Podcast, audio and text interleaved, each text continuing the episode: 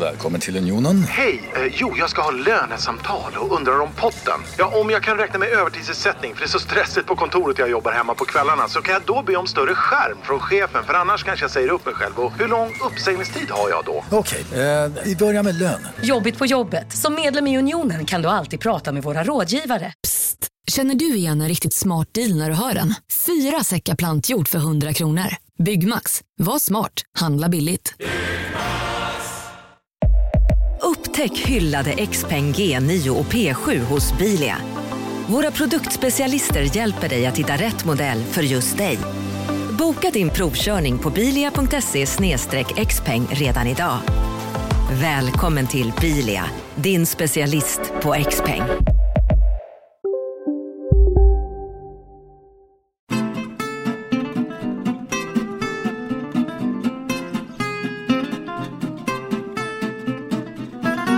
Hallå, hallå och välkommen till ett nytt avsnitt av Studio Klassiker, tidningen Klassikers redaktionspodd.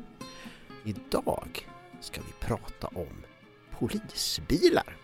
Och därför har jag, Karl Egerius och Joakim Bergqvist bjudit in Fredrik GV Nyblad till studion som faktiskt har kommit ut med en bok i ämnet precis. Ja, det har ju faktiskt blivit min andra bok om polisbilar. Tre år sedan gjorde jag en bok om Volvos polisbilar. Och eh, det fanns ju så mycket andra märken att, att göra, berätta om.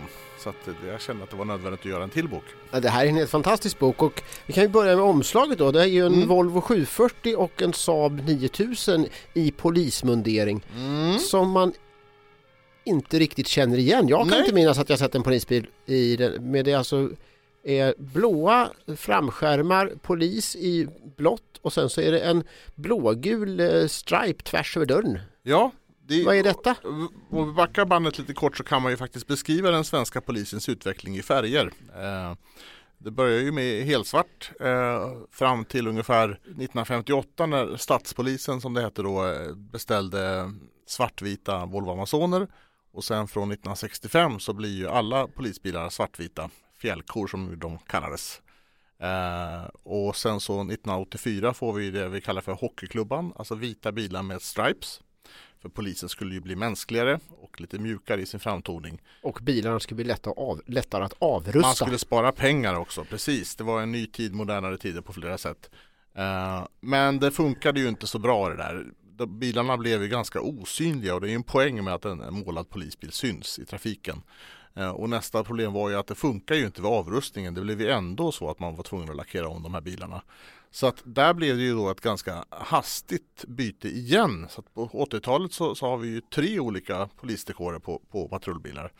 Så att eh, det här vi har på omslaget här är ju bilar som aldrig, så här blev ju aldrig några polisbilar. Utan, utan eh, det här var ju alltså ett förslag som, det här är ju någonstans i Nyköping. Eh, där man då visar upp ett förslag för Eh, justitieministern och rikspolischefen och eh, några till. Eh, och det här förslaget ble, blev ju inte godkänt därför att någon ska ha vid det här mötet ha sagt att det är bara rosetten som fattades. Eh, man tyckte att det blev lite för mycket med det här blågula bandet. Ja faktiskt, det ju, ser ju lite ut som en present. Men- Man kan också notera att, att det här med svarta polisbilar, svartvita polisbilar och även de här stripen. Allt det här kommer ju från USA. Det, allt det här har vi ju sett i amerikanska polisbilar i filmer vi har sett. Eh, så att, ja, jag har alltid varit väldigt eh, inspirerat av amerikansk polis. Eh, och Håkan Malmgren, Volvo-designern som var med och tog, ut, eh, tog fram Hockeyklubban har ju, han var ju till och med på en studieresa i andra ärenden och, och tittade då på polisbilar i USA och såg att eh, ja, så där kan man göra. Eh, så att det har ju alltid varit inspirerat. Eh, svensk polisbilars utseende har alltid varit inspirerad av amerikanska polisbilar. Enda undantaget är ju det vi har nu från 2005 med eh, det så kallade Battenberg-mönstret. Det är ju en brittisk uppfinning som är vetenskapligt framtagen för att man ska kunna se polisbilar på riktigt långt avstånd även i dåligt väder. Och döps efter en kaka. Ja, Ja, precis. ja. Schackryttig säger vi på svenska. Vetenskaplig kaka. Ja, ja, ja precis. Nej, så det, det, det var ju roligt att ha en färgbild och roligt att ha en bild på en Volvo och en Saab. Och eh, det är ju roligt om man lägger märke till att det är något konstigt med det här med det här blågula fältet då som inte kom på, på de här bilarna. Men när man hade tagit bort det fältet så blev det ju godkänt och från 1989 så blev ju bilarna eh, blåvita eh, i kulören polisblått. Eh, och då kunde man ju faktiskt om man hade tur spana tre olika eh, polisbilsmålningar samtidigt.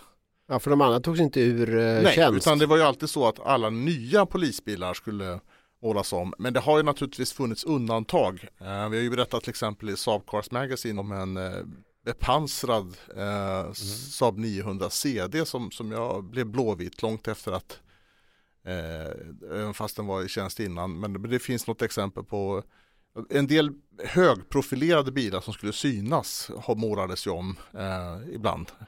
Och även också till exempel om, om en bil hade råkat ut för en olycka, vilket ju polisbilar gör Mm. av förståeliga skäl, eh, så, så kunde de ju målas om. Men eh, då har vi alltså Fjällkon, vi har Hockeyklubban och det är alltså en, ett, ett öknamn kan man väl säga. Ja, Eh, för att den här det är då ändå som, ganska allmänt använt och offentligt använt. Ja, i efterhand. Ja, Och sen har vi då den blåvita då? Den har inget namn. nej den har inget sådär. Är det Konsumpolisen? Ja. Blåvitt? Ja, Ja, precis. man vet vad man får. Ja. Ja, Ja, vi bestämmer det. Det Ja. är Konsumbilarna mm. efter det då. Ja. Och sen är det Kakan. ja precis. Svenska polisbilar under 1900-talet är alltså titeln på Fredriks nya bok som är den sjunde i ordningen som du skriver. Ja, Det är ju helt du fantastiskt. ska se mitt eh, golv där jag sitter och skriver, det är inte vackert. Jag sliter på golvet hemma. Ja, du åker runt med din stol där. Ja. Vadå? Ja.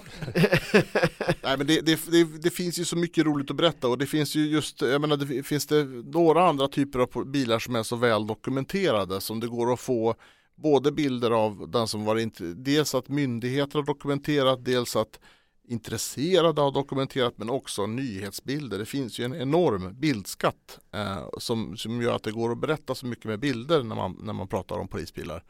Så att det, jag känner mig helt tvungen att, att eh, ta tag i det. Ja, och, och, och, då, och då ska vi alltså förtydliga att det är inte bara bilar som är byggda i Sverige utan det Nej. är bilar som gått i, i tjänst i Sverige i svenska poliskåren. Ja absolut, för det är ju, man, man skulle ju lätt kunna tro att det alltid har varit Saab och Volvo. Men det, det är ju egentligen någonting som, som mer inträdde på 70-talet. Jag menar, Innan det var det ju 50-talet och bakåt så var det ju kanske främst amerikanska bilar. Eh, och sen så kommer ju Volvo då eh, mer på slutet på, fem, på 50-talet, 60-talet.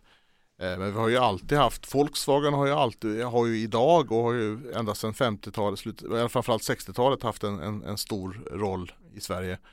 Ford har ju funnits lite grann alltid men inte varit vanliga här som de har varit i våra grannländer. Danmark framförallt. Och Opel har ju varit stora fram till 60-talet men sen har ju de mer eller mindre försvunnit som polisbil i Sverige. Stämmer det att ett distrikt körde Ford Thunderbird innan det blev förstatligat? Det vet jag inte men det, det vet, alltså på den tiden var ju fram till 1965 så var ju polis precis som skola idag till exempel en kommunal angelägenhet eller brandkår för den delen. Och det gjorde ju att det fanns det var ju upp till lokala myndigheter att eh, ta beslut om vad man skulle köpa för bilar. Eh, det låter ju väldigt extravagant med en Thunderbird kan jag tycka. För att vi ska ju veta att vid den här tiden så var det ju långt ifrån alla myndigheter som ens hade en polisbil. Cykel istället? Och det, redan alltså fram till början av 60-talet så fanns det myndigheter som enbart hade cykel. Mm. Så att eh, ja, det låter som att det, det var någon som tyckte om att åka bil i så fall som hade det. Men det är ingenting jag sett. Förstår. Så om du har en Ford Thunderbird med konstiga färger på, då vet du varför. Ja, för det kan man ju också säga att de här fram till 1965 så, så var ju eller ja, fram till slutet av 50-talet i alla fall så var ju polisbilar väldigt diskreta. Eh, det syntes ju bara på kanske en, eh, att man kunde fälla ner en solskärm där Mm. det stod polis och, eller att de hade eh, ett diskret litet rött fast ljus eh, Mm. framför vindrutan och, och, och ett sökarljus på taket. Mm. Det, men men bilar var ju fram till 50-talet så är ju bilar inte så vanligt förekommande så det kanske räckte för att man skulle uppfatta det som en Ja. polisbil. Ja, När det kom en svart bil som, som ja, såg lite myndig ut. Ja, det är fantastiskt att bläddra i din bok för det är ju så väldigt mycket bilar som man inte förknippar med eh, polisbilar. Till exempel på eh, sidan 53 här då så slår vi upp en, en Ford Granada eh, med lite tuffa fälgar och skärmkrom och så är den svartvit eh, med två poliser som ja, de ser ganska nöjda ut med sin eh, arbetstillvaro här. Mm. Om man skulle eh, göra en, återskapa en miljö i en film idag Mm. Med en polisbil från 70-talet så skulle man ju, om man då skulle få för sig att polisstripan får Granada Mm. så skulle man ju få väldigt många på sig för att det, det är ingen som, ingen som kommer ihåg det i Nej, princip. Så det skulle nej, det där är inte korrekt. Men det är det som är väldigt roligt med, med din bok här, att man får upp ögonen för så många olika polisbilar. Vilken var den mest oväntade bilen då? Någon nyhet för dig när du har researchat den här boken? Ja, ganska många, men, men det allra mest udda var nog någonting som var udda redan när man började leta i det här. Och det var ju de här eh, bilarna som patrullerade på eh, här i Stockholm på, på Essingeleden Mm. eh, där man då hade, det, det var nå- något slags samarbete mellan Stockholms stad och polisen där man då, eh, vem som betalade för vad det är lite oklart, men, men han, man hade alltså land, gula Land Rovers, när alla Mm. andra polisbilar skulle bli svartvita så hade de gula Land Rovers. Men någonstans där också så till och med hade man en Austin Gipsy Jaha, oj. som var gul och så står det polis på den. Och det är ju motsvarigheten till Land Rover, också en fyrhjulsdriven Ja, eh, absolut. eh, offroadbil eller Ja. jeep-liknande bil. Ja. Ja verkligen, jättelik eh, Land Rover eh, Men- på men- avstånd. Ja, oj. Ja, men visst finns en av de här Land Roverna kvar i alla fall? Jag vet åtminstone, av, och 1965 så köper man in tre Land Rovers som Ja. jag har förstått det och åtminstone två av dem Oj. finns kvar och en av dem finns här i Stockholm. Ja. Och eh, den ena är grön, den var på annons på Blocket för några år sedan och den andra är, är faktiskt gul och har fått Mm. lite fasta röda ljus igen. Jaha. Och okej. ägaren är väl medveten om historiken på den. Ja, roligt. Det är jättekul. Ja. Om vi fortsätter med fyrhjulsdriftsspåret då? Volvo Valp finns ju med i din bok här också. Ja, precis. Det är faktiskt också Laplander, alltså den Laplander, civi- precis. civila versionen av, av valpen. För eh, när man då har tjänat ut de där Land Rover så byter man ju faktiskt. Då rätar man in sig i ledet och skaffar eh, Laplander som var svartvita. Eh, men ute på um, Arlanda så har det i alla fall funnits en eh, sån här eh, C202. Eh, Alltså den när, när då Laplander återuppstår och eh, tillverkas i Ungern så heter den ju C202. Alltså det, det, det finns, det är, det är som en ehm, det, det är många märkligheter i ett där. Alltså vi har en Volvo byggd bakom järnridån eh, som är svensk polisbil. Eh, och dessutom för att röra till det ytterligare så, så är den ju inte riktigt svartvit. Utan den har ju alltså ett rött tak för att inte flygplan skulle landa, landa på taket eh, förhoppningsvis. så det, den- är ju ganska udda måste man ju säga. Verkligen. Ja, polisen hade ju i princip, eh, i alla fall som det framstår i efterhand, en obegränsad budget på att ta fram speciallösningar under en ganska lång period. Ja, nej men bilarna var ju inte som vi vet, det är väl det vi tycker om med gamla bilar, att de var ju inte perfekta. Eh, men, men poliserna kunde ju ställa krav och hade ju pengar eftersom de, de köpte ju en flottor Mm. eh, och kunde ju ställa krav på att förbättra bilarna. Och det är väl det som är charmen och det intressanta att berätta om polisbilar, alla de här speciella detaljerna som, som polisbilar hade. Och med tiden så minskar ju de naturligtvis. Eh, höjdpunkten var kanske när eh, eh, polis, eh, polisens tekniska byrås chef Lars-Erik Freman la eh, idé efter idé efter idé på hur Volvo Amazon kunde förbättras. Eh, och sen så blir ju bilarna bättre och bättre och då blir det mindre och mindre specialdetaljer. Eh, så att det är väl det som är lite det man tycker är fascinerande med polisbilar. Många tror kanske att, att eh, polisbilarna är specialtrimmade och sådär men, men poliserna kanske hade möjlighet att välja den starkaste versionen av, av, av, en, av en bil och, en, och vilken motor den hade. Så det, är väl- det är väl knappast så att de, de har Det finns inga poliskammare eller något sånt där utan det är väl att man väljer rätt specifikation av motorn. För det känns som att det alltid är en sån där myt som har funnits Ja, med hela vi, vi har väl sett Blues Brothers för många gånger kanske. Ja, kanske. Jag förstår att det kan vara svårt men om man tänker, har du någon här favoritmodell som, som eh, om du skulle ha en polisbil själv, Mm.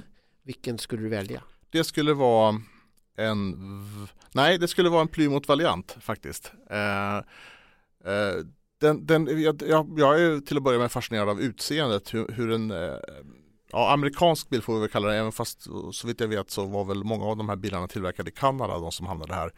Eh, så så eh, den, blir, den blir så svensk på något vis med sina stänklappar och, och texten polis och alla eh, förnumstiga svenska idéer som har kommit in i inredningen och inte minst att den har ju fått eh, stolar från åtminstone på de senare då eh, Saab 99 Just det. Eh, vilket ju, eh, det var ju ANA som importerade dem och, och det lustiga är ju att det här var ju en period då, då amerikanska bilar blev allt ovanligare i Sverige så, och samtidigt då så, så fortsätter ju då eh, bland annat då pol- Rikspolisstyrelsen att, att köpa in stora mängder Plymouth vilket ju hö- höll uppe importen liksom. Ja, Ja, man kan tänka sig att av de varianter som finns kvar av de här årsmodellerna eh, framförallt de senare Ja. i Sverige så är väl merparten gamla polisbilar. Ja.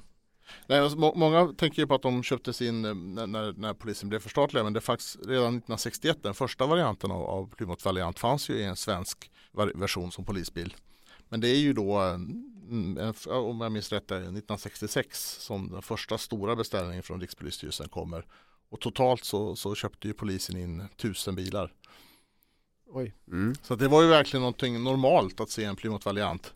Och det, många, en del äldre poliser jag pratar med de tycker ju att den var ju fruktansvärt slö och, och, och vidrig att liksom ja, kan, det gick ju inte att köra direkt jättefort med den och, och ta kurvor och sådär men andra menar ju på att den var ju rymlig för att det är ju också en bra egenskap för en patrullbil att du måste ju kunna ta med människor oavsett storlek och oavsett hur mycket eller hur lite de vill åka med dig. det kan ju vara lite knepigt om det är en trång bil. Mm. Även när det gäller varianten så, så var det ju då jätteviktigt med en massa prylar. Eh, inte minst när det gäller, ja som vi pratade om, cop suspension och sådana saker då. Så att de, de svenska bilarna som tog, köptes in 66 de hade ju förstärkt fjädring, ett extra fjäderblad, de hade skyddsplåtar för dörrarna i aluminium, kartläsningslampa, extra dörrantag tror jag också är från Saab. Mm, Eh, indörrantag. Ja, och ett större batteri. Det här var ju också ett problem på den här tiden att, att man hade ju så mycket polisiär utrustning så att det drog ut batterierna. Mm. Och en liten detalj, avgasrörsförlängare och, låsbart tanklock. Det är verkligen sådär som någon som sitter och kryssar in alla kryssen i tillbehörslistan. Mm. Ja, som inte ser slutsumman. Nej, Exakt. precis. Sen är ju de här, eh, det finns ju ett antal olika polismodeller som sticker ut. Eh, Porscharna är ju mytomspunna verkligen. Ja, absolut. Hur många var det? Som var, det var både 912 och 911 eller? Först var det ju Porsche 912 eh, och när 912 slutade att göras så eh, jag har ju hittat ett dokument, eller om det var i svensk polis så skriver Rikspolisstyrelsen att man nu efter moget övervägande hade valt att gå över till 911. Men det, var, det är ju ärligt talat skitsnack för 912 fanns ju inte längre. så att, Och du kanske inte övertygar Porsche om att bygga några nej, hyror till inte. Eh, men, men totalt blev det 23 bilar. Mhm. Och hur många har överlevt nu då? En finns ju på polismuseet och den har jag kört men, men det finns väl någon till också. Mm. Men om man ser det, det var ju inte, den idén kommer ju inte från det blå utan det finns ju andra länder där, där Porsche också varit polisbil. Som är Tyskland, Österrike, Schweiz och Holland. Mm. Och om vi pratar just om Holland så har det ju varit vanligt att Porscharna skulle vara öppna. Polis, trafikpoliser skulle dirigera genom att stå i bilen på olika sätt. Och det här tycker jag är intressant för att det är någonting med den här polismyndigheter som gör att de är sig själv nock på något vis. Det, det är liksom det, det är som, ju mer man studerar om att så här har man gjort i Sverige, så här har man gjort i USA, holländsk polis gör här, så här. Det är bara, det, det, det, de är väldigt låsta i hur man själv jobbar. Det är klart att det är skillnad på förutsättningarna uppe i Norrbotten jämfört med i Holland, Mm. vädermässigt och så Mm. naturligtvis. Men, men det är ändå liksom att, att det, vissa saker det är helt omöjliga i ett land men här ska det vara på ett annat sätt. Och I Sverige har ju polisbilarna per definition varit stora, motorstarka och Mm. definitivt haft tak. Medan i England så har man ju haft så kallade panda cars, eh, enmanspatrullbilar som varit små och motorsvaga. Mm. Och i Holland har man som sagt haft öppna bilar för trafikdirigering. Skulle man aldrig, och det var ju till och med så att man provade det med en Mm. bubbla. Och den blev eh, kraftigt nedsablad den idén för att av det bizarra skälet att poliserna kände sig uttittade och sedda. Ja, det gör de inte i en vanlig. Nej, och det är väl ganska bra om de är sedda kan jag tycka. Men de körde ju bubbla i lite mer täckt format senare. 1302 nu. Oh ja, Va- va- va- mängder. varför valde man då? Totalt tusen Volkswagen. Tusen stycken till med. Ja, Varför men- valde man en sån liten bil då helt plötsligt? Ja, det var ju bland annat, eh, då var det ju återigen någon mellanchef eller på att säga som, som kom på smarta idéer. Man hade då studerat i Tyskland där det fanns, eh, där man provade enmanspatrullering. Mm. Och då kom man på att man, om man har en gubbe, en bil, då kan man ju synas på fler ställen. Och man kan också göra så att den här ensamma polisen kan åka till ett ställe, gå ur bilen och synas gående. Mm. Det var ju väldigt viktigt i många årtionden. Eh, och på så vis så kunde man då ja, synas mer i samhället helt enkelt. Så att eh, eh, Bubblorna hade ju en mängd uppgifter. De fanns, det var polisrytteriet, det var hundpatruller, det var enmanspatrullering. Det, det var ja, lite extra bilar. Så de, de hittade massor med uppgifter. Så att Volkswagen har varit en stor leverantör av, av polisbilar. Ja, för det är väl så att eh, det har varit polisbilar i ett samlingsbegrepp men väldigt många har ju varit, haft specialuppgifter som Mm. de här Porscharna, det var ju ingenting som man åkte runt och, och fångade in buset med utan det var ju oftast motorvägs eh, Ja. eller trafikpolisen helt Ja, enkelt precis. som körde dem. Mm. För att jaga fast de snabbaste 142 gelarna och Ja, eh, ja.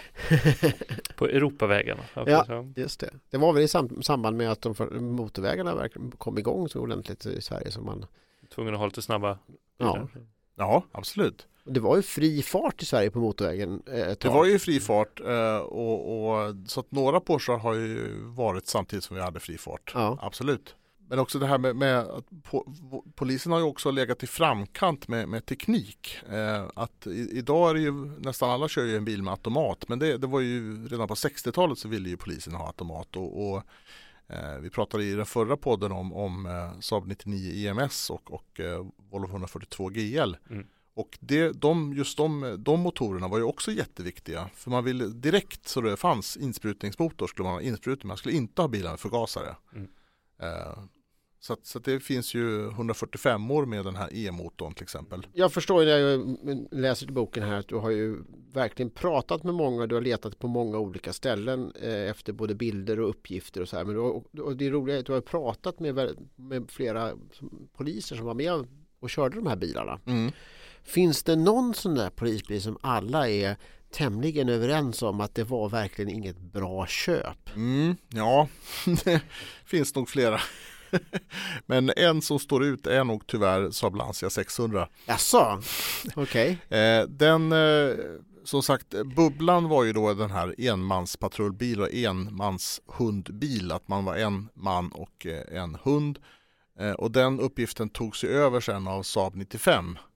Eh, där man fick plats med en hund och en polis. Mm. Eh, och sen då eh, så var det ju ganska naturligt att, att eh, Saab Arna ville sälja Saab Lancia 600 när inte 95 fanns längre. Mm. Men det funkade ju inte speciellt bra. De, de, de höll ju inte så att det, de försvann ganska snabbt. Hur många sålde de? Vet du det? Jag vet inte, men jag, det finns ju bilder från eh, Saab Arna där man ser en, en serie av registreringsskyltar där, där registreringsskyltarna är snarlika. Så att det, ja, ett antal i alla fall. Och de fanns även som civila. Och Om man vänder på det då, vi- vilka är verkligen eh, de här bilar som poliserna ville behålla eh, när de skulle eh, säljas ut istället för att det var så bra bilar? Ja, trots att jag har hört någon som gnäller på den så är det nog ändå varianten som flest är överens om att den var bra. Ja, men det beror ju på vilken ålder på de män som det handlar om som jag har pratat med också kanske. Jag har inte pratat med så, så pass som är, eller jo, jag känner en del poliser som har kört Amazon också i och för sig. Men ja, nej, men det är nog varianten. Men om man ska köra de här fantastiska polisbilarna måste man ju kunna köra bil också. Mm. Hur mycket träning fick poliserna innan? Var det någon körträning överhuvudtaget? Jag eh, tror att det var mycket mer. Idag det, finns det väldigt många saker som en polis ska kunna och jag tror uh, vad jag har hört uh, och uppfattat är att, att det kanske det här med att köra bil har blivit lite undanträngt. Men förr i tiden så var det väldigt viktigt. Mm. Och du har ju också gå- genomgår ju en särskild utbildning för att kunna eh, använda blåljus och, och påkalla fri väg. Bara det fick du gå en särskild utbildning Mm. för. Eh, och sen så för de speciella bilarna som Porschen och eh, senare Saab 99 Turbo fick Mm. du ju gå en särskild utbildning för Ah. Porschen och för Turbo. Man får en, en turbokurs, en, en Porsche-kurs. Så det var ju verkligen eliten av trafikpoliser som fick köra dem. Det var lite hierarki där. Ja, verkligen. I många år så fanns det ju också eh, de här eh, polisrallytävlingarna i, i, eh, Belgien. Eh, och det, det var ju också väldigt prestigefyllt. att Vad var det för någonting åka brons. Ja, det var ju alltså speciella rallytävlingar för poliser. Man sköt på varandra också. Nej, ja just det, precis som skidskytte ungefär. Ja, exakt. Ja, det hade varit något. Nej, om, man tror- vann, om man vann fick man gripa dem. Nej. Nej, så att jag, tror, jag tror tyvärr att, att eh, bilkörning har nog, eh, var nog mer eh, en viktig grej förut.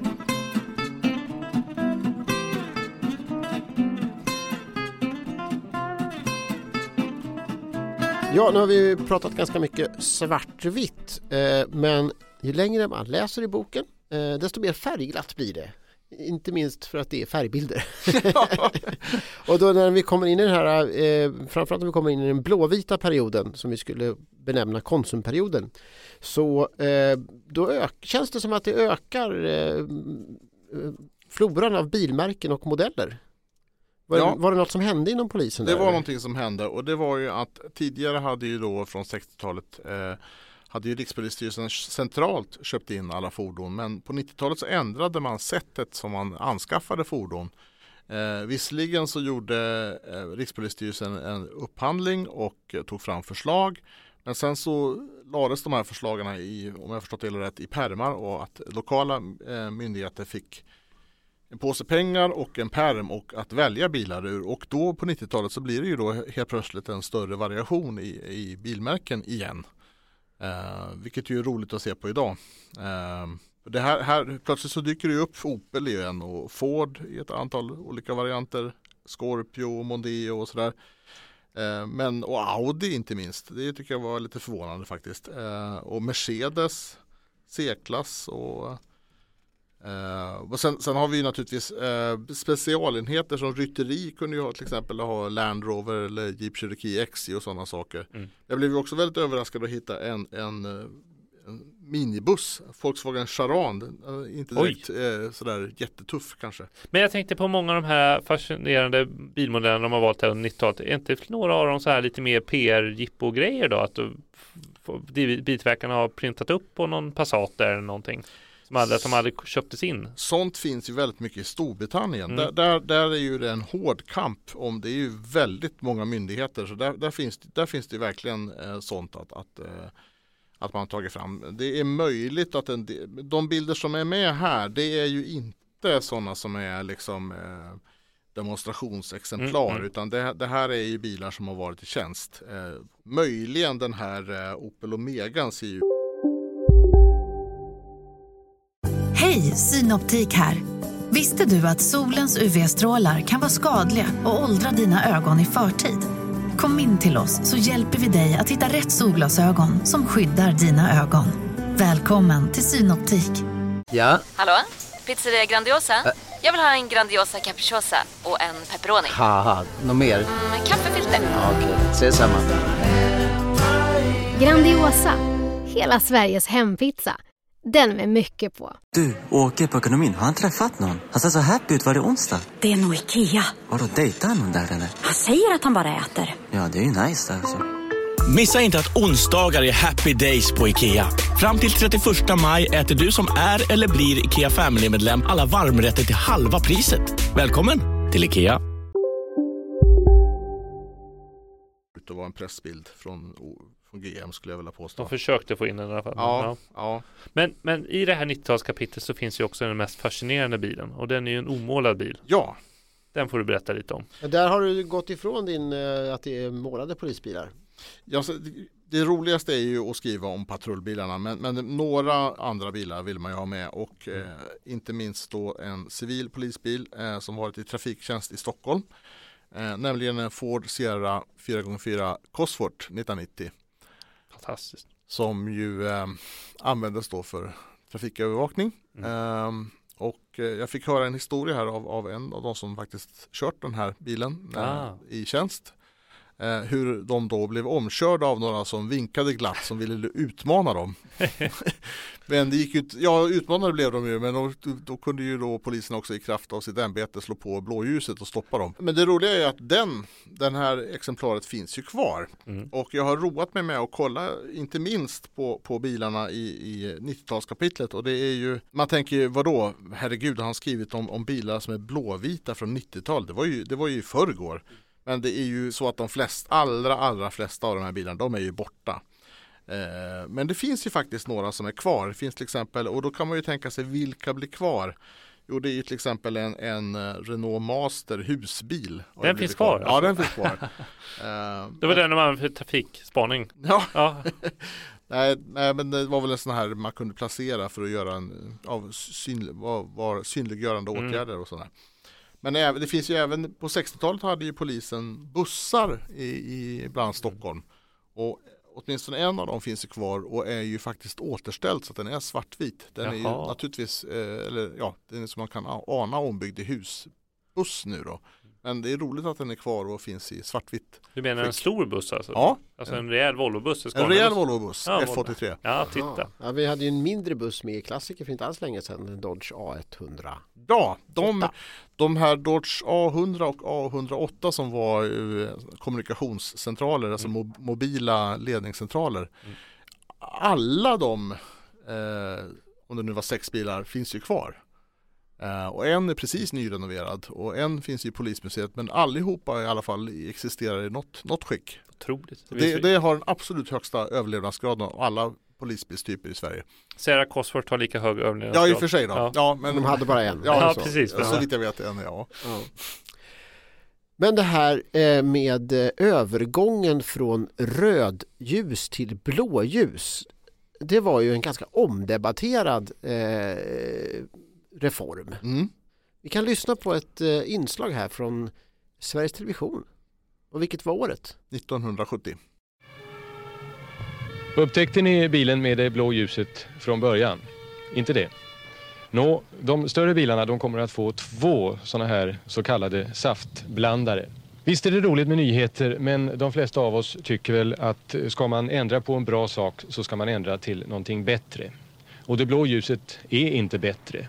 Perceptionspsykologer och andra som förstår sig på sådana saker som ögats spektralkänslighet, färgfiltrets transmittans och lampans emissionsförmåga. De säger så här. Blått ljus är det absolut sämsta man kan välja om man vill väcka uppmärksamhet och om man vill ha genomträngningsförmåga hos lyktan.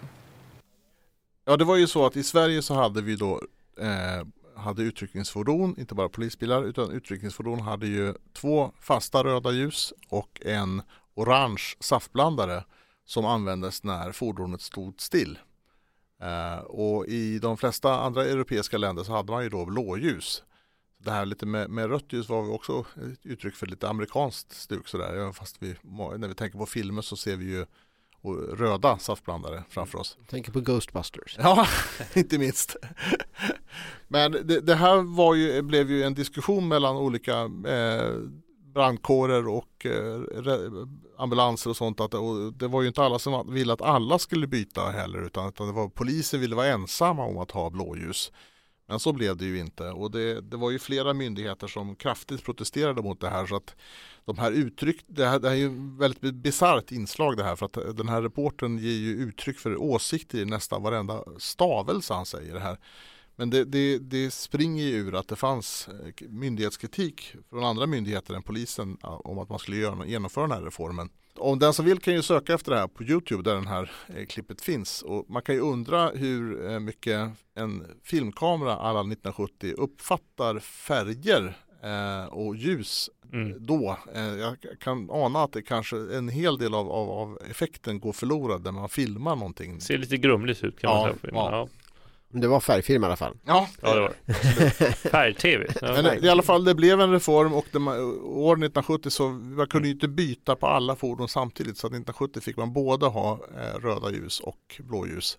Och alla eh, polisbilar utom eh, Porsche 912, 911 och eh, Bubblan hade ju två rö- blåljus på taket. Mm, just det. Polisen eh, som du sa tidigare här lite grann att de var med och drev eh, bilutvecklingen lite grann i Sverige. Mm. Eh, och eh, de fick också ibland hjälpa till i eh, utprovningen av nya lösningar. Ja precis, tidigare på 60-talet så var det kanske så att eh, idén kom från, från polisen och att man då sen eh, att det sen blev standard på till exempel Volvo eh, 140 Amazon. Men, men sen var det också så att eh, Volvo och Saab utnyttjade eh, polisen för att testa saker och mest omtalat är väl just att man, att man fick testa eh, Saab 99 Turbo eh, som en del av, av den stora test man genomförde. Mm.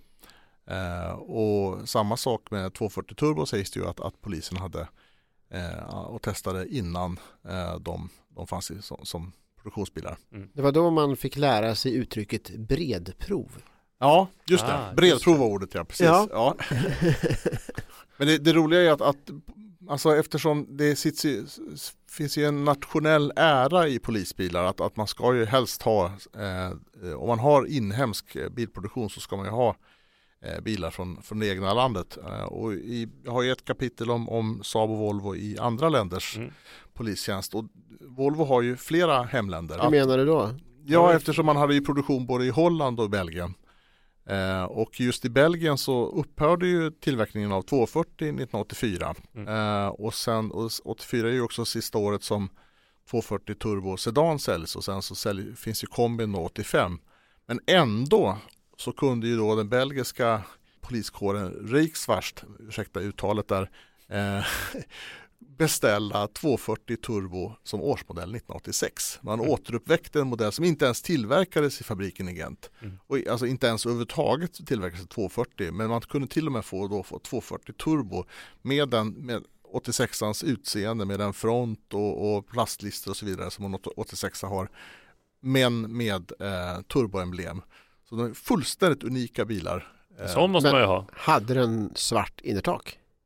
Det vet jag faktiskt inte. Rosa, det hade de. Den hade förmodligen inte namnet utan man kunde ju också hitta på att man hade ju då för, för prissättningen skulle kunna man ju hitta på att, att den visserligen hade den här motorn och den bromsar och hjulupphängning men den kanske inte behövde ha sånt lullull liksom. Nej, nej. Och sådana saker. Det låter väldigt troligt. Ja. Trikåplysch bör de inte ha. Polisen. Nej, ja fast det hade ju faktiskt Ja, det sant. svenska Ja. Det, det är ju eh, att, att åka en, en 240 polisbil är ju då väldigt, eh, då har man ju plysch fram och sen Mm. har man ju naturligtvis vinyl bak som är mer avtorkningsbar. Mm. Och det, den där vinylklädseln kan ju vi tycka är väldigt udda här i Sverige men den var ju faktiskt väldigt vanlig i USA. Mm. Det finns många svenska Volvo 240 i USA som har vinylklädsel. Eh, hel, så det var ju ingenting som var, egentligen togs fram för polisen. Om vi hoppar fram till ett kapitel som handlar om det jag fick uppleva förra, förra sommaren. När jag kör ut och körde min nyinköpta Ford Fiesta XR2. Det var en sån här blixtlampa i fram. Ja! Och så var det en polis som var misstänksam lik min kollega här på Klassiker som gick fram och knackade på rutan. Mm. Kan du förklara lite här Fredrik? Vad var det som blixtrade till? Det var ju då en, en, en fotoblixt för att kunna ta en bild med eh, det här Trafipax-systemet som ju då fotograferade en serie bilder varav en var med blixt så att man fick en tydlig bild på, på registreringsskylten. Mm. Och eh, det spännande är ju att, att eh, när du, om du är ute och kör alldeles för fort så, så kunde man ju då närma sig en, en Trafifax-bil som ju var en civil polisbil. Men då såg man ju då en väldigt märklig puckel i mitt på instrumentpanelen. Panelen, Ja, så att all, alla, jag tror väl eh, både du och jag Carl, har vi lärt oss av våra fäder att spana efter de där bilarna? Ja, det var ju lite andra kännetecken också. Så dubbla antenner och att de alltid var tvättade och ofta att det satt två personer i Mm, bilen. och gärna två män. Ja, precis. Men det du eh, an, eh, knyter till här Joakim, det är alltså ett reportage vi hade Ja. i Klassiker förra året där vi fick låna en eh, Trafipax Saab 900 Turbo. Eh, och du agerade då villebråd i en Ford Fiesta XR2. Ja, precis. Ja, och det är det som är kul med Polismuseets fordonssamling att de har bevarat så många av de här bilarna som Mm. man minns. Eh, och de här Trafipax-bilarna var ju som sagt de var ju eh, fruktade och det fanns speciella listor som man kunde, kunde köpa Mm. via fax och få en förteckning över Mm. de bilar som fanns. Men på 900 var det ju ändå hyfsat lätt när man höll på att köra om en sån. För då var det ju bara att titta, den har plåtfälgar och den har kromade dörrhandtag. Fast det står ändå turbo på bakluckan, vilket är lite konstigt att de skrev ut det både på tur- Ja. bakluckan och motorn. De skulle kanske gjort lite mer ja, Men ett, Men... ett sätt att göra de här mer diskreta var ju att den bild som finns bevarad i Mm. Polismuseets fordonssamling är ju att man hade två eh, Extraljus, ja. eh, Eller- Precis, eftersom det ena var ju blint, det var ju bara på låtsas. Ja. Medan det andra är ju då en fotoblixt, det är Ja. ju inte ett, ett extra ljus. Nej. Eh, Men det var, det var, så var det ju inte från början. När Nej. man började använda Trafipax så hade man ju då en liten blixt och det kanske var möjligen någon väldigt snål person som hade ett extra ljus. Ja. Eh, Men man och, förstod och, jag har ju- jag har ju till och med från Saab Car Museum hittat en bild på en Saab 900 Turbo där man då har dolt blixten bakom eh, registreringsskylten. Lite James Bond-artat så går det tydligen då att dra upp registreringsskylten. Jag har ju en liten teori här just när vi hittar den där bilden på museet. Och det är det att Saab gjorde ju också en James Bond-bil. Ja. Eh, och Och den, vad, vad var det grejen med det? Det var ingen vanlig James Bond-film. Nej, det var ju en bok som ingen har läst. Men i alla fall, den har, ju- var ju då eh, en Saab 900 Turbo med i. Och den hade ju en special, en av de här gadgetsarna var ju att den hade en blixt bakom registreringsskylten. Min teori är ju här då att om inte polisen nappade på det här uppfinningen med att ha blixtljus bakom regskylten så använder man det på James Bond-bilen istället. Det ser Mm. väldigt likt ut i alla fall när man jämför bilden med bilen. Väldigt eh, Grävande journalistik här. Ja, det. verkligen. Ja. Och den här boken, att man var tvungen, när man skrev en bok och har tvungen att ha en, ta fram en riktig bil till den också. Det är ju väldigt spännande. Ja. Lite utanför det, ja. Men, ja. men Trafipack ersattes ju efter några år med vad då? Polispilot, eller vad hette det? Polispiloten som var ett danskt system. Mhm. Eh, och, eh, men egentligen så var ju inte Trafipaxarna mest, Trafipaxarna mest effektiva utan det var ju radarn. Det var radarn som, som tog flest eh, och bötfällde flest. Eh, men det är ändå så, vi som gillar bilar kanske är, har vi har fastnat lite vid det här med Trafipax-bilarna. Men du har ju en det med in, inbyggd radar på här i bilden Ja, också. Vad är det för någonting i boken?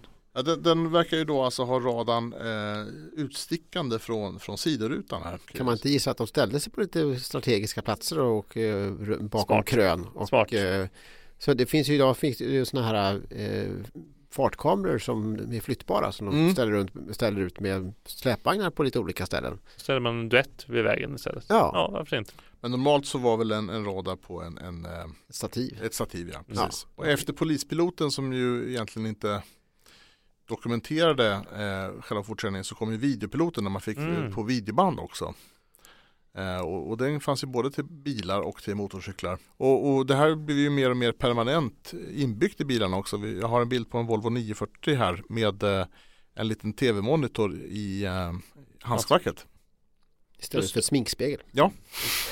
Det gick att både få in eh, kabel-tv och eh, parabol i den där. Så att, Ja, ja. Mm.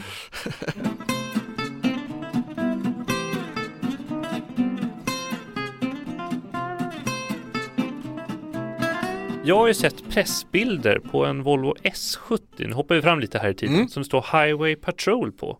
Ja, Vad är och det här inte, för inte vilken Highway Patrol utan California Ja, det mest Highway glamorösa. Patrol, som ju kanske är en av en jättestor polismyndighet eh, och jätteprestigefylld.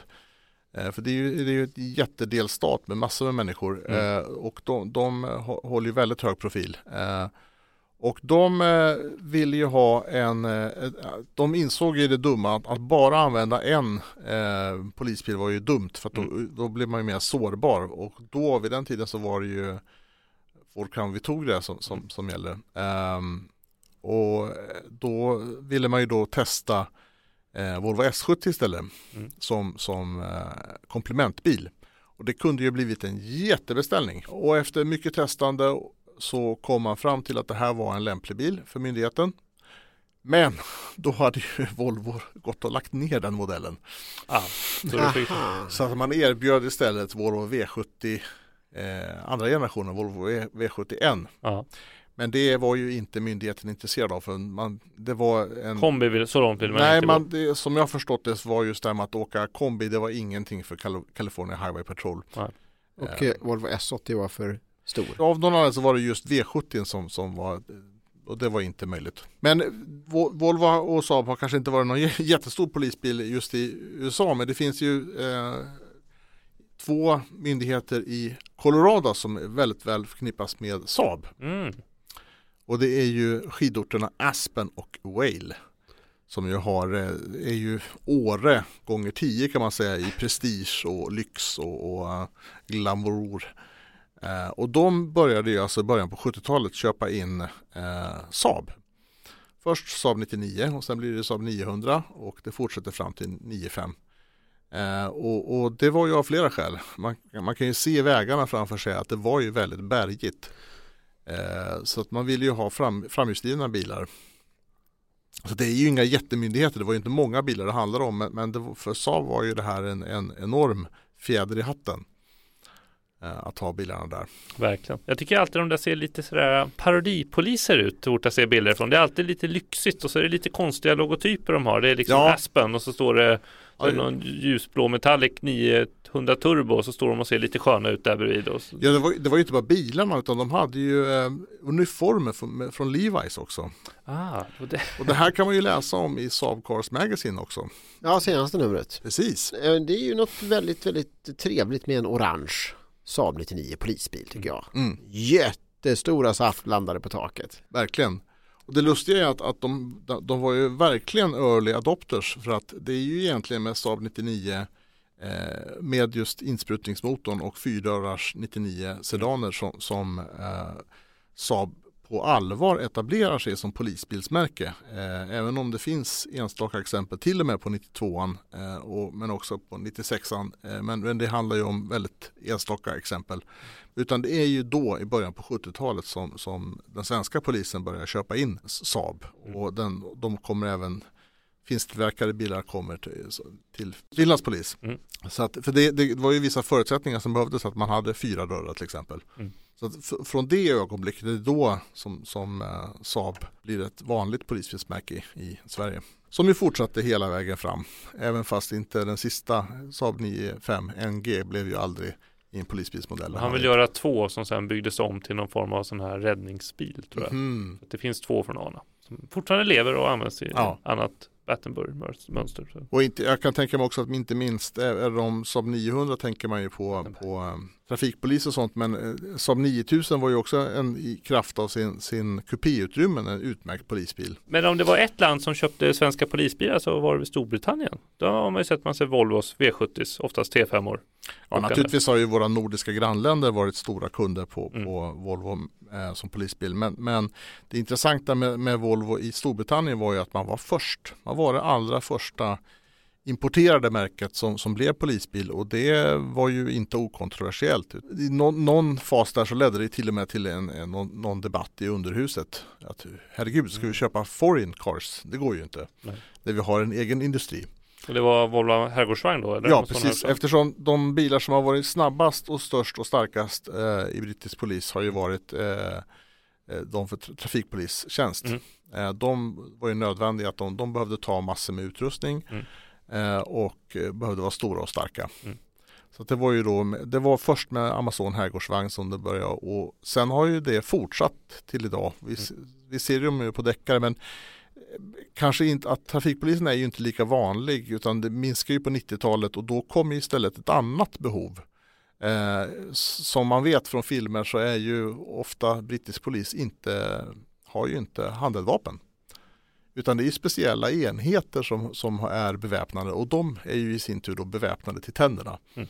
Så då återigen behövdes det ju stora och starka polisbilar och då var ju Eh, Volvo V70 första generationen var ju i, i framkant där. Och jag kan tänka mig också att sånt betyder ju mycket för, för eh, ett, ett bil, bilmärkes eh, status på någonting. Absolut. Polisbilar är ju väldigt många som är väldigt fascinerade av och en, en, eh, en del av dem som är fascinerade har gått vidare och även börjat eh, samla på polisbilar och polisbils eh, utrustning. Ja, det lättaste sättet är ju kanske att ha små polisbilar, leksaksbilar. Det, det, Ja, det har också ett kapitel om. Ja, det är verkligen tror- heltäckande den här boken. Jag tror att det, det är nog betydligt mer vanligt att man, man vill samla på polisbilsmodellbilar. Men det finns ju som du säger, det finns ju eh, ett antal människor i det här landet som, som bevarar, renoverar och, och håller på med, med polisbilar och det, det är ju verkligen behjärtansvärt för det är ju inte så det, det kanske inte alltid är så roligt att åka och handla med den bilen kan jag tänka mig. Blir, man blir ganska uttittad. Men ty, tyvärr är det ju också så att, att på grund av, av människor som inte kan ta ansvar och bete sig vettigt så har vi ju en ny lagstiftning som gör att man, man får ju inte åka, förut så har det ju faktiskt varit oreglerat. Du har ju kunnat åka med, med en bil det står polis på utan att vara polis. Eh, Men sedan några år så har vi ju en lagstiftning som gör att, att eh, det, det kan ju vara olagligt. Undantagna är ju då historiska fordon eh, och det gör ju att du får ju åka runt med en, en Amazon, en svartvit Amazon. Det, det är ju uppenbart för de flesta att det är ju inte en en riktig polisbil. Men om jag skulle jaga fatt i den här charanen från 90-talet och eh, eh, spåra upp den och, och utrusta den som en polisbil i Mm. blåvitt, hur, hur skulle det? Då behöver du ett tillstånd eh, som, som visar att du, du har den i en eh, syfte, ett samlar eh, syfte helt enkelt. Och det, om du, det kommer du säkert få ett sådant tillstånd också. Ja, jag är ju charanfantast. ja. Jag har tittat upp två bilar nu, de är skrotade båda två. Så att, eh, det är nog väldigt svårt att hitta en Charon. på Men då får man V6. skapa en charan-klon. Ja, där Ja. har vi nästa sak. Det finns ju, om man inte kan få tag på en äkta polisbil så kan man ju då göra kloner och det, och det inte minst har ju Volvo Amazon blivit ett antal kloner. Ja, det är väl kanske den mest populära polisbilen att ha som entusiastbil. Ja, det skulle jag rent ovetenskapligt påstå ja. Ja. Absolut. Men om man vill se äkta polisbilar så finns det ju faktiskt en, eh, en plats att besöka. Ja, på, i polismuseet på Djurgården här i Stockholm finns det normalt inte plats för så många polisbilar men museet har ju då en fordonssamling på ett 60-tal fordon och den finns eh, sedan ett antal år i Tullinge.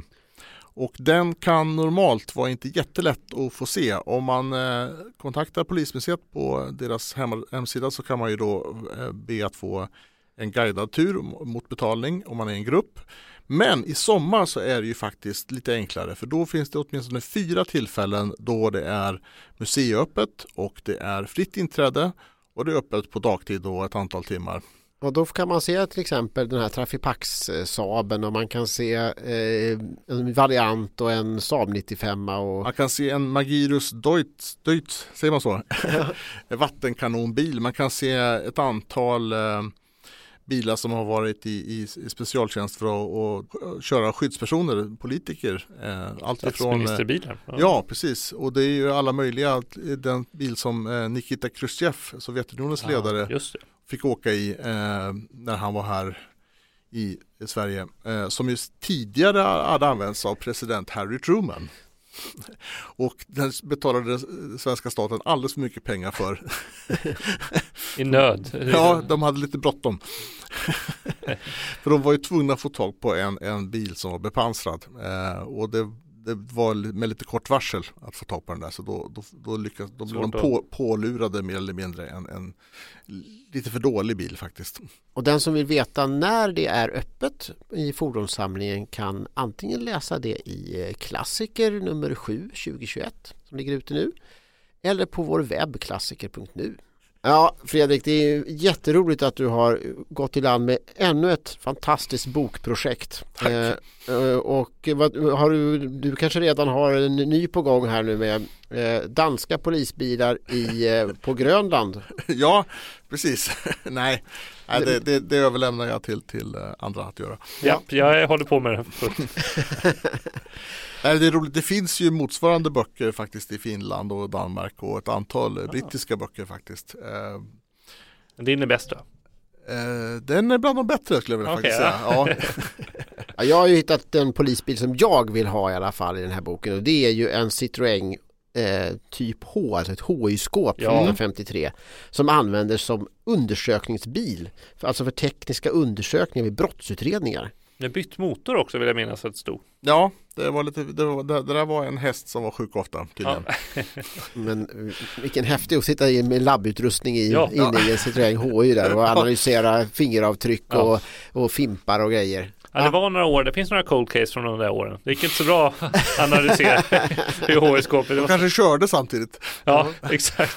Ja, är det, det är en ständig källa till, till roliga läsupplevelser det här. Man, den, antingen kan man läsa den från perm till perm eller det kan man göra också men sen när man har gjort det så kan man gå tillbaka och, och bara bläddra i och fastna på för olika bilder och sådana saker. Och det är väl det som är tanken kan jag tänka mig. Absolut, det, det ska vara roligt att hoppa in i boken lite varstans eh, om man vill läsa om en speciell modell eller något sånt. Och du har fått tag på bilderna dels genom polisen, Ja. Polismuseet. Ja, de har ju ett fantastiskt arkiv. Men det, inte minst har ju mina kära kollegor Joakim och Claes hjälpt mig med bilder från Saab Cars Museum som ju har eh, en stor mängd bilder. Men sen så vill jag gärna också lyfta fram en, en tidigare tekniker som heter Kent Odenrud som, jag har, som är just en sån här bilintresserad person som har dokumenterat bilar och samlat bilder i årtionden och tack vare Kent så har ju den här boken och även min förra bok om polisbilar blivit så omfångsrik som den är. Ja, det är fantastiska bilder, verkligen. Ja, det är en kulturgärning. Ja, det där är ljudet som gör att vi tyvärr måste springa. Tack så mycket Fredrik Nyblad. Tack. Tack Joakim Bergqvist. Tackar. Och jag heter Karl Egerius och tackar för att du har lyssnat på ännu ett avsnitt av Studio Klassiker. På återhörande.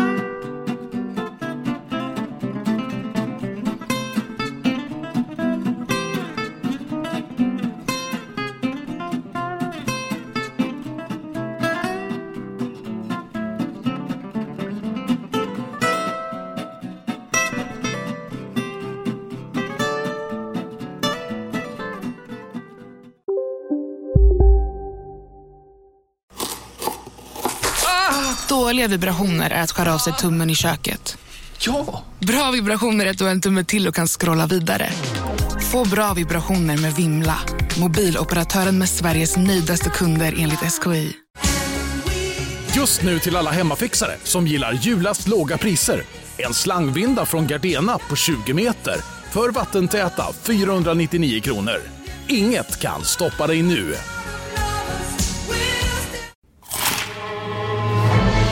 Upptäck det vackra ljudet av McCrispy Company för endast 89 kronor. En riktigt krispig upplevelse. För ett ännu godare McDonalds.